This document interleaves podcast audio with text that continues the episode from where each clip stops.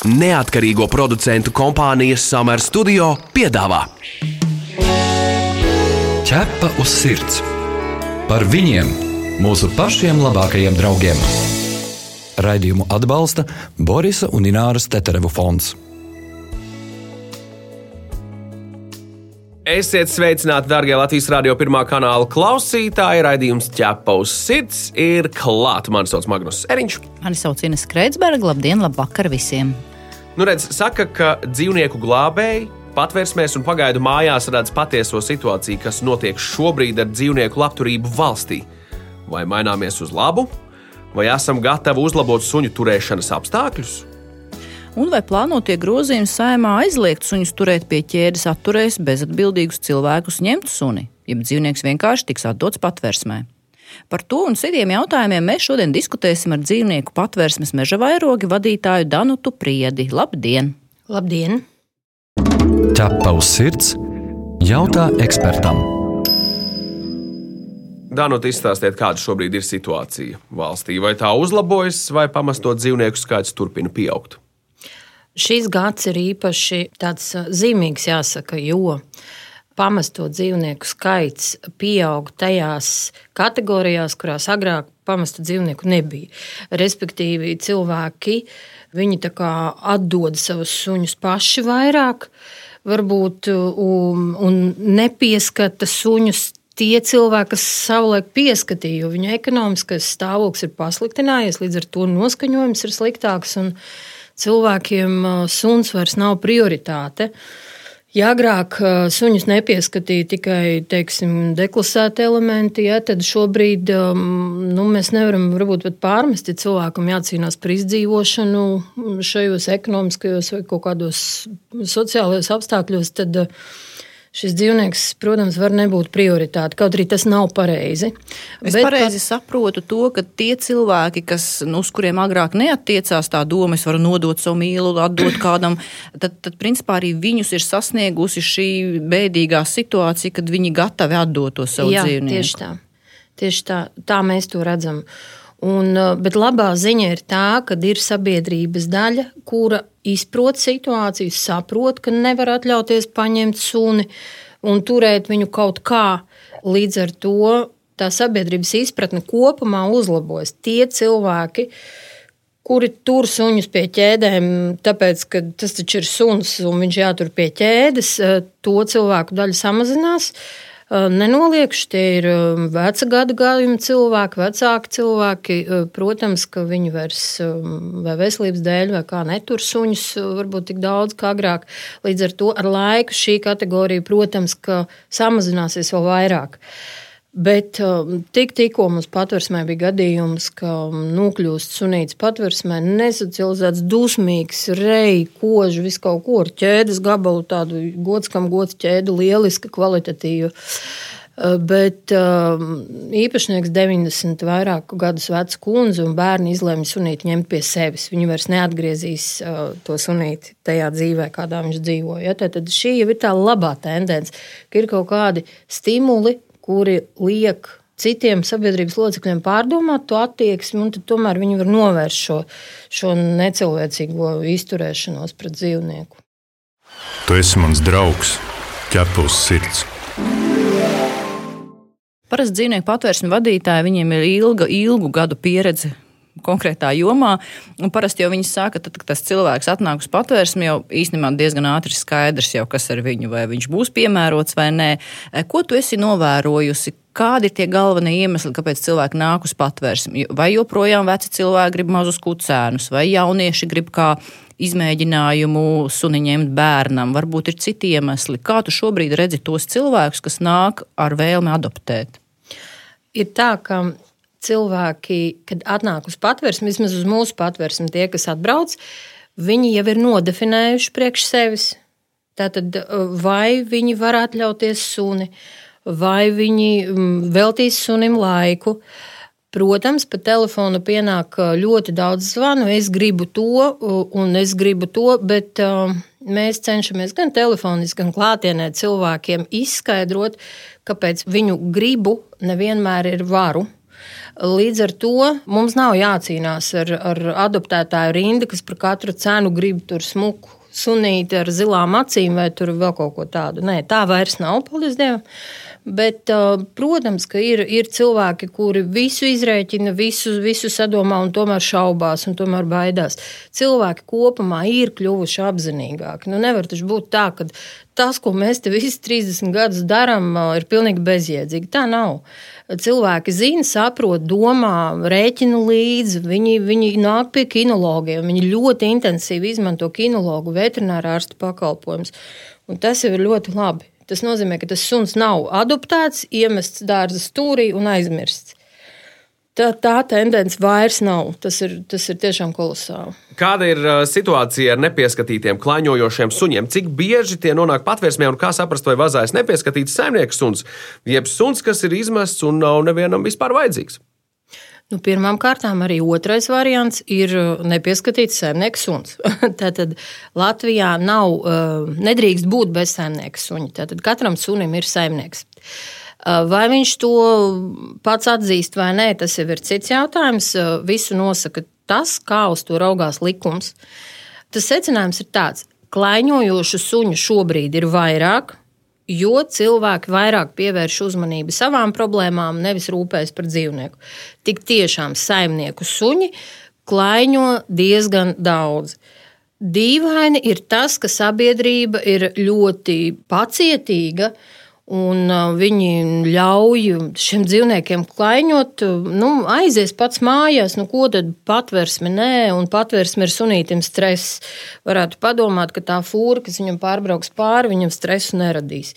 Radīs, un arī saimniekiem un visādiem dienestiem. Un mums ir jāsaprot viena lieta. Ja mēs redzam suni bez pavadiņas ar saimnieku uz ielas, zvanam pašvaldības policijai. Tā ir tāda maza axioma, kur ir jāiegaumē un nevajag analizēt kur, kāpēc, cik daudz, cik tālu saimniekam būs jābrauc. Piedodiet, viņš ir atļāvis savam sunim nonākt dzīvības briesmās, un tagad mēs domājam, vai tam saimniekam nebūs par grūtu aizbraukt uz patvērsni sunim pakaļ. Nu, ja viņam ir par grūtu, tad meklēsim jaunus saimniekus. Nu, tā kaut kā. Ja? Nu, Nevajag tolerēt neapzinīgus saimniekus. Jo daudz jau nemaz nezina, kaimiņi un citi cilvēki jau nemaz nezina, ka tas suns nemaz tā nevar vazāties apkārt, ka tas ir nelikumīgi. Un viņi domā, nu, ka tam Pēterim tas, tas taču Pēteras suns, viņu, viņš vienmēr tas staigā. Nu, bet īstenībā nu, nevajadzētu pieļaut. Nu, viņš vienreiz aizbrauks uz patvērsni, samaksās sodu, otrais, trešo reizi varbūt sāks domāt. Nē, nu, tā, nu, tieši tā, pirmkārt, sodus uzliek pašvaldība. Tas ir jāatcerās. Ja? No tā ir ārkārtīgi daudz kas atkarīgs. Jo mīkstākas sirdis ir pašvaldība pašvaldību administratīvajām komisijām, jo vairāk kleņojošu suņu uh, novadā. Ja? Tas arī ir tāda likuma sakarība. Rekā. Jā. Jo redziet, kā ir katrs suņa saimnieks, ir vēlētājs. tieši tā, tieši tā. E, vēl viens patiesībā ļoti interesants uh, atgadījums. Es saņēmu kādu vēstuli, es atļaušos paturēt uh, šo personu anonīmu par, uh, par no konkrētu atgadījumu, kur uh, šai personai strādājot savā īpašumā, savā dārzā, kas nav norobežots ar zogu kaimiņu, žogu kaimiņu suns, ir norāvies no ķēdes vai kā citādi un, un nokļūst pie viņas un uzbrucis viņai. Un, un tādā situācijā, tiklīdz šis dzīvnieks ir ārpus savas teritorijas, tās skaitās momentā klaņošana. Ja. Tajā brīdī tu zvani pašvaldības policijai, un tas šajā ir tieši gadījumā, tas, kas ir jādara. Šajā gadījumā, ja ir uzbrukts cilvēkam, tur ir vieta jau valsts policijai. Jo faktiski ir nodarīti kaut kādi miesas bojājumi, kaut kādi zaudējumi. Jā, tātad pēc jauniem likuma grozījumiem jau būs bijis savādāk. Arī pašvaldības policija varēs ievākt šos pierādījumus, bet šobrīd ir jāsauc valsts policija, jāraksta iesniegums. Valsts policija teiks, nu, beidziet, jums taču tikai tur bišķiņi, un, un jums taču vēl ir otra kāja palikusi. Bet, eh, nu, tomēr ir jābūt uzstājīgiem. Mēs saprotam, ka arī valsts policijas resursi ir um, ierobežoti, bet arī šie ir noziegumi.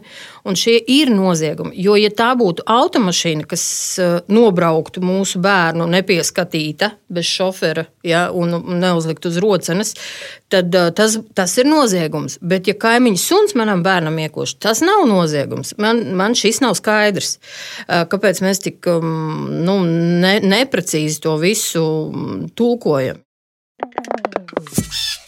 Ja tavs sirds skaidro faktus Nu, tagad skatā, kāpēc tas suns klāņot. Vai nu viņš ir izracies zem sētas, vai žogā ir caurums, vai gluži elementāri tā žoga nav. Un te ir variants, ah, nu tad redz, lai neklāņo, tad es viņu pielieku pie ķēdes. Un tad ir jautājums, tad cilvēku apziņā ir tikai divi varianti. Vai nu viņš vazājas apkārt, vai viņš ir pie ķēdes. Ko mēs no tā varam secināt, ka tie suņu saimnieki nezina, kad ir arī cits variants vispār iespējams? Ir ideālākais trešais variants - ielaid suni mājās. Kāpēc viņam ir jābūt ārā, kamēr tu esi darbā? Lai viņš guļ virtuvē, priekšnamā uz savas sēdziņas un gaida saimnieku.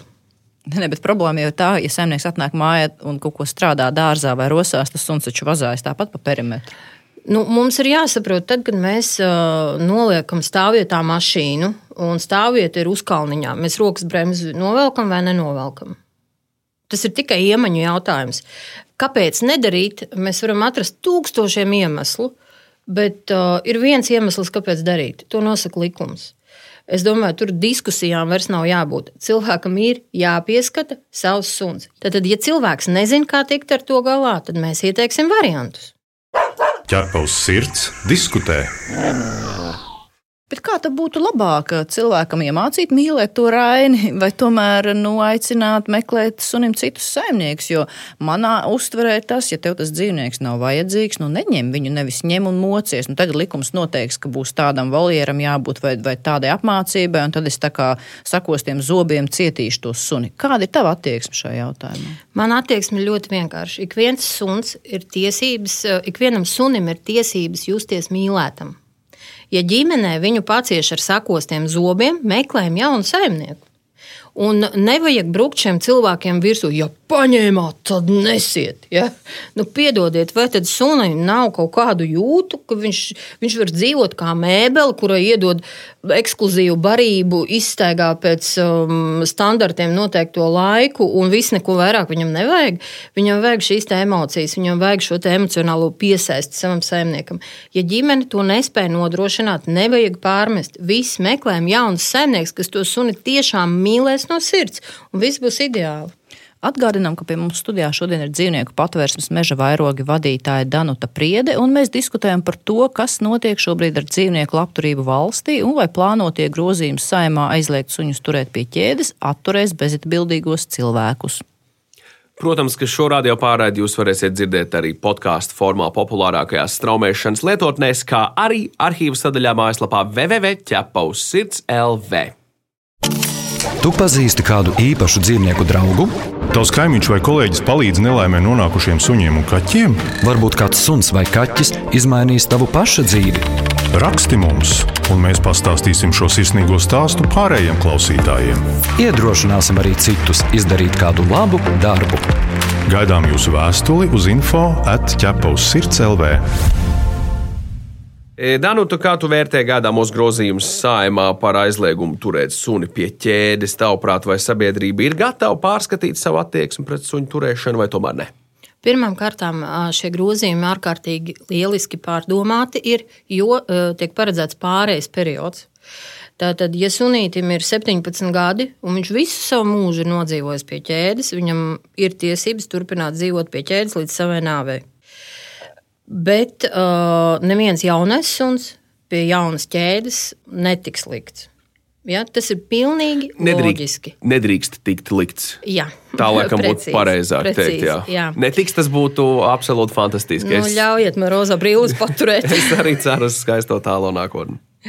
Jā, un uh, šie likuma grozījumi paredz šo pārējais posmu un grupas, uh, kuras uh, varēs. Nu, mēs nevaram gribēt, lai tiešām kā man kolēģiem patīk, Tante Bauskā tagad um, pēkšņi savos 96 gados savu veco, veco sunīti tagad laiž istabā vai būvē voljeru. Tas nenotiks. Un arī šie suņi, kas visu mūžu ir nodzīvojuši pie ķēdes, viņiem ir ārkārtīgi grūti pāriet dzīvot savādākā režīmā. Jo, diemžēl, tās traumas, kas ir nodarītas gan psiholoģiski, gan, gan visādi citādi, ir tādas jau gandrīz negrozāmas veciem suņiem. Ja? Nevarēs iemācīt uh, pilnīgi tādu vecīti, kas visu mūžu dzīvojas pie ķēdes, dzīvo tagad istabā un nenokārtoties pie divāna stūra un, un justies komfortā. Tas nevienmēr būs iespējams. Līdz ar to šie grozījumi, pirmkārt, es uzskatu, viņi ir vitāli nepieciešami. Vitāli. Laiki ir mainījušies, ir mainījušies um, cilvēki, paudzes ir nomainījušās, un likumdošanai ir jāspēj turēt laikam līdzi. Un uh, šie grozījumi, uh, ja viņi netiks mākslīgi bremzēti, uh, tad viņi izdarīs ārkārtīgi lielu pienesumu dzīvnieku labturībā Latvijā vispār kopumā. Bet te uzreiz būtu vietā jautājums, tu esi redzējusi un redzi tās sekas, eh, ko eh, sunim nodara šī ķēde. Nu, labā ziņa, ka izdodas atrast daudziem suņiem mājas pēc tam, bet nu, arī daudziem neizdodas. Kā tu raksturot, kas ir tās galvenās traumas, ko sunim rāda ilgstoša atrašanās pie ķēdes? Pirmā un būtiskākā trauma ir piesaistes problēmas. Es esmu pētījusi arī cilvēku teiksim, problēmas, kas ir šajā situācijā, bērni, kas aug bērnu namos, viņiem ir ļoti līdzīgas problēmas kā suņiem, kas aug pie ķēdes. Kas dzīvo pie ķēdes. Tas ir varbūt paradoxāli, bet tas sasaucās ar to, ko runājam, ka visi dzīvie organismi ir vienādi. Un, um, šeit ir jāsaprot uh, tas, ka mēs suni pieliekot pie ķēdes, mēs viņu iespundējam vienā tādā vidē, kaut kādā zem tāda kupola, un nekad nekad viņš neredz eh, neko citu, kā vien to, ko viņš redz. Ja? Tad viņam ir tikai viņa ķēdes perimetrs. Un iedomājieties situāciju, ka jūs ievieto tagad istabā, kurā ir viens lokus, un nu, katru dienu jūs pabaro, jūs varat aiziet uz toleti, bet neko vairāk jums nepiedāvā. Cik ilgi jūs varētu šādā režīmā novilkt? Ka jūsu smadzenēm nav nekādas informācijas, nekādas barības, un vienīgā izklaide būs principā muša, kas ielidos pa logu.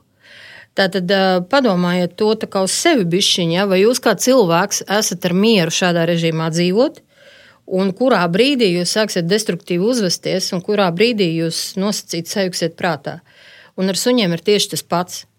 Suns ir ļoti gudrs dzīvnieks. Viņam vajag prāta barību, viņam vajag nepārtraukti mācīties, kaut ko darīt. Ja? Uh, tas, ka mēs viņam to visu nepiedāvājam, tas ir noziegums. Jo parasti mēs asociējam tā, suns pie ķēdes, tas nozīmē, ka ar viņu nekas nenotiek. Ir, protams, labie gadījumi, ka suni pieliek pie ķēdes, bet viņu katru dienu iet staigāt, viņam piedāvā suņu skolu un tā tālāk. Tas vēl ir ok, ja? nu, salīdzinoši. Bet, ja mēs ķēdi asociējam tikai ar to, ka suns ir pie ķēdes un viss, un, ziniet, pēdējos mēnešos man ir Nu, viens gadījums, kas man vienkārši izsita nu, tā rīktīgi no ierindas. Ja? Man zvana cilvēks no Latvijas, ka nu, viņa sešgadīgam sunītam ir ķēdes karabīni ieķērsies kājā, un viņš nevar dabūt ārā. Vai mēs nevaram kaut kā palīdzēt? Es nu kā, nu vienkārši izsaka, nu nē, nevar. Viņš tā kā kož visiem, nu tā kā visiem ģimenes locekļiem, un ārsts atsakās nākt, jo, nu, suns kož. Es saku, bet nu, kā tas tā? Nu, jā, nu, tas notika jau tad, respektīvi, ir pagājušas trīs dienas. Trīs dienas suns pieķēdes ar karabīnu kājās, un saimnieks nevar pieiet klāt. Nu, saprot, tas ir. Tas Kam ir, tas, tas vispār šī situācija ir izdevīga un vajadzīga? Kas tā cilvēka prātā interesanti notiek? Kāpēc tas suns viņam ir vajadzīgs? Tas ir, es domāju, tas ir, tas ir tradīcijas, pirmkārt, kas mums velkās gadiem līdzi. Tas ir tradīcijas. Suns, ķēde, viss kārtībā. Ja? Uh, Šīs tradīcijas ir jāmaina. Šīs tradīcijas, eh, jaunās tradīcijas, ir jānes uz laukiem. Vedam šo informāciju uz laukiem. Ja mums satrauc tās tantes Bauskā, tad braucam pie tantēm un nevis kritizējam, bet parādam, ka var savādāk. Ķepaus sirds, suņu būda. Man nedaudz no citas puses jautājums par sakām, kas notiek, kad ilgstoši tiek suņi turēti pie ķēdes meža vairogos. Cik šobrīd ir suņi, kuri ir ilgstoši turēti pie ķēdes, kurus, diemžēl, vai par laimi cilvēkiem vairs nekad, nekādā veidā nevienam nevarēs atdot, jo viņu dzīves ir sabojātas psihi, gan mentāli, gan fiziski. Viņu dzīve nav tāda, kāda iespējams tā būtu, ja tā uh, nebūtu pavadīta pie ķēdes. Jā, tūlīt pateikšu, neatgriezeniski bojātu suņu pat labam nav. Es gribētu tā teikt, ir suņi, par kuriem mums ir aizdomas, ka viņi varētu būt tikuši turēti pie ķēdes. Viņu uzvedība par to liecina. Bet tad, kad ar viņiem ilgstošāk pastrādā, nu, tas, tas nav 14 dienu jautājums, tie ir mēneši, protams. Ja? Tad katru dienu tur viņi strādā, ar viņu ej pavadā, vis, viņiem visiem mainās šis noskaņojums. Uh, šobrīd ir viens sunīts, kas ir izņemts gulbenē, viņš ir ilgstoši turēts pie ķēdes, badināts, nu, nav pienācīgi barots. Ja, un, un tā. Un viņš ienāca kā hiperagresīvs. Vienkārši. Nu, tur bija pilnīgi, tur, tur vispār nedomāja. Ja. Šobrīd tas, ko es redzu, agresija uh, sāk krietni noplakt, bet viņam ir ārkārtīgi grūti uz cilvēku paskatīties kā uz objektu, kas vispār kaut ko tavā dzīvē spēj mainīt un ienest. Es pieeju teiksim, pie šī suņa, un viņš uz mani pat neskatās. Ja, viņam nav vispār pilnīgi nulle interesi pret šo cilvēku, jo cilvēks viņa acīs nav nekas interesants, neko dzīvē viņam nav devis un, un nav nekādas eh, asociācijas pat. Ja? Bet arī šim sunim, es teikšu, tā ir cerības atgriezties pie normālas suņa dzīves. Viņš nav pārāk vecs, viņam ir, viņam ir cerības. Visur kopā - ķepus sirds. Bet, Danuta, kā tev liekas, vai vispār var mainīt to cilvēku domāšanu, kas tur to suni pie ķēdes. Ar to izglītošanu, ar to skaidrošanu. Jo, nu, manuprāt, tas cilvēks, kuram tā attieksme tāda ir, mm, vai viņu, nu, viņš tomēr nemainīs to attieksmi. Tad sanāk tā, ka nu, kad, nu, ir tā otra galība, ka dažkārt tie suņi ir jāglāb no tiem jocīgajiem, briesmīgajiem saimniekiem, jo viņi neuzlabo šās suņa turēšanas apstākļus, un tiem kaimiņiem un apkārtējiem jānoskatās, kā tas suns vienkārši iet bojā, bet neko nevar izdarīt, jo tas ir cilvēka privāta īpašums. Nu, Pirmkārt, ir divi veidi cilvēki. Viena cilvēka mācās no kļūdām, savām vai svešām. Un otri ir tie, kurus var ļoti labi vadīt ar bailēm. Ja viņi baidīsies no soda, viņi neņems suni. Vienkārši tiem sodiem ir jābūt tik drastiskiem, lai reāli šie cilvēki baidītu. Cik tavuprāt?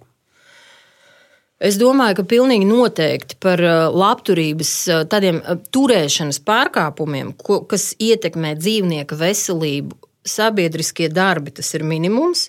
Nauda mm, ļoti maz ko ietekmē. Ja, jo ir cilvēki, kuriem naudas nav, viņiem naudas nav. Viņi var nemaksāt tūkstošiem tos sodus. Neviens viņus cietumā par to neieliks desmit gadu laikā. Ja. Bet tad, tad sabiedriskie darbi tie ir ļoti pamācoši. Un līdz pat es domāju, ka nu, cietums varbūt nē, ja vien nav dzīvnieku nāve vai veselība neatgriezeniski cietusi.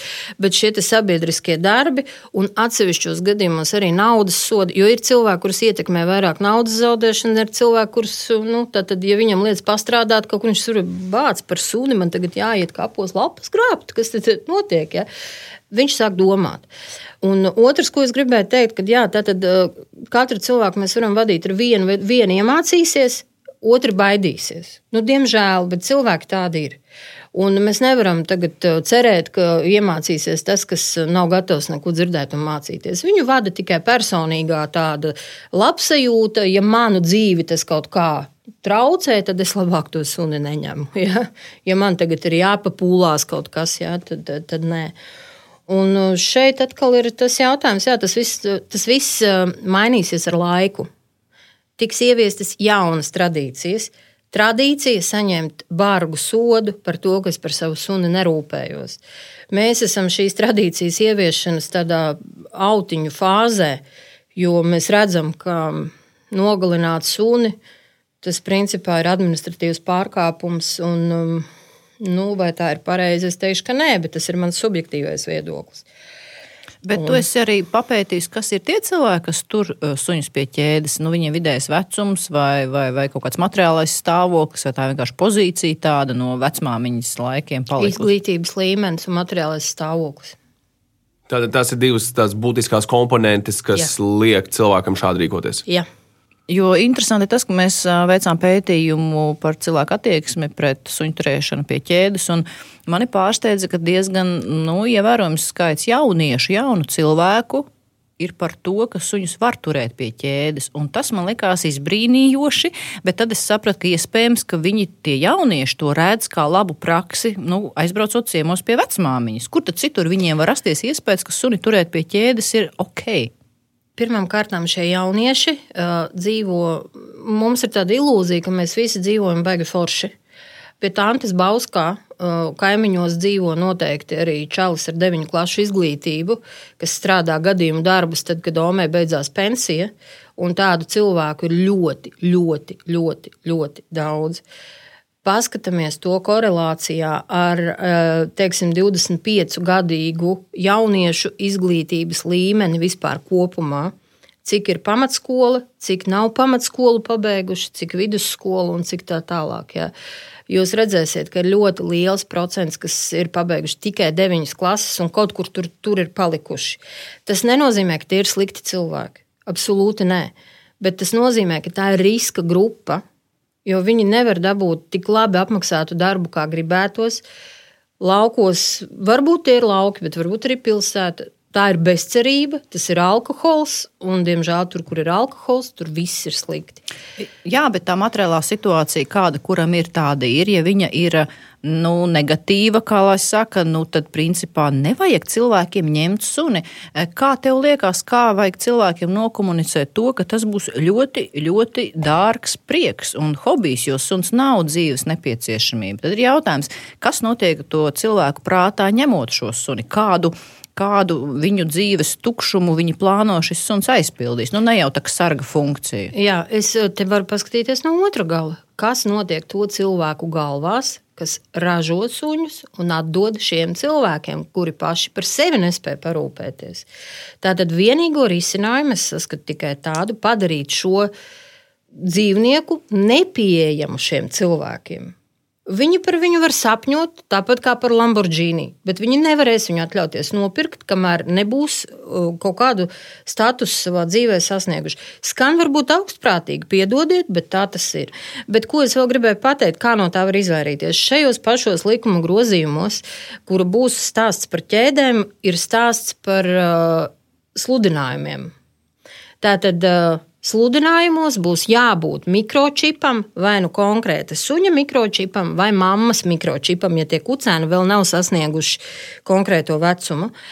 Tātad mēs jau vienu sabiedrības daļu, jau vienu šīs produkcijas, piedodiet, daļu atstāsim aiz borta, jo viņi nedrīkstēs publiski sevi reklamēt, jo viņiem nav mikročipu, viņi nav izsekojami un ar laiku šis rūpals beigsies. Nu, tā pavairošana tas ir atsevišķs jautājums un atsevišķa tēma, par kuru var ilgi runāt, jo tur gan uzraudzības funkcija ir vajadzīga, gan arī mūsu mīļais pārtiks veterinārais dienests varētu vairāk viņus uzraudzīt. Tā ir absolūti cita jau, jau jauna tēma ar daudziem nezināmajiem.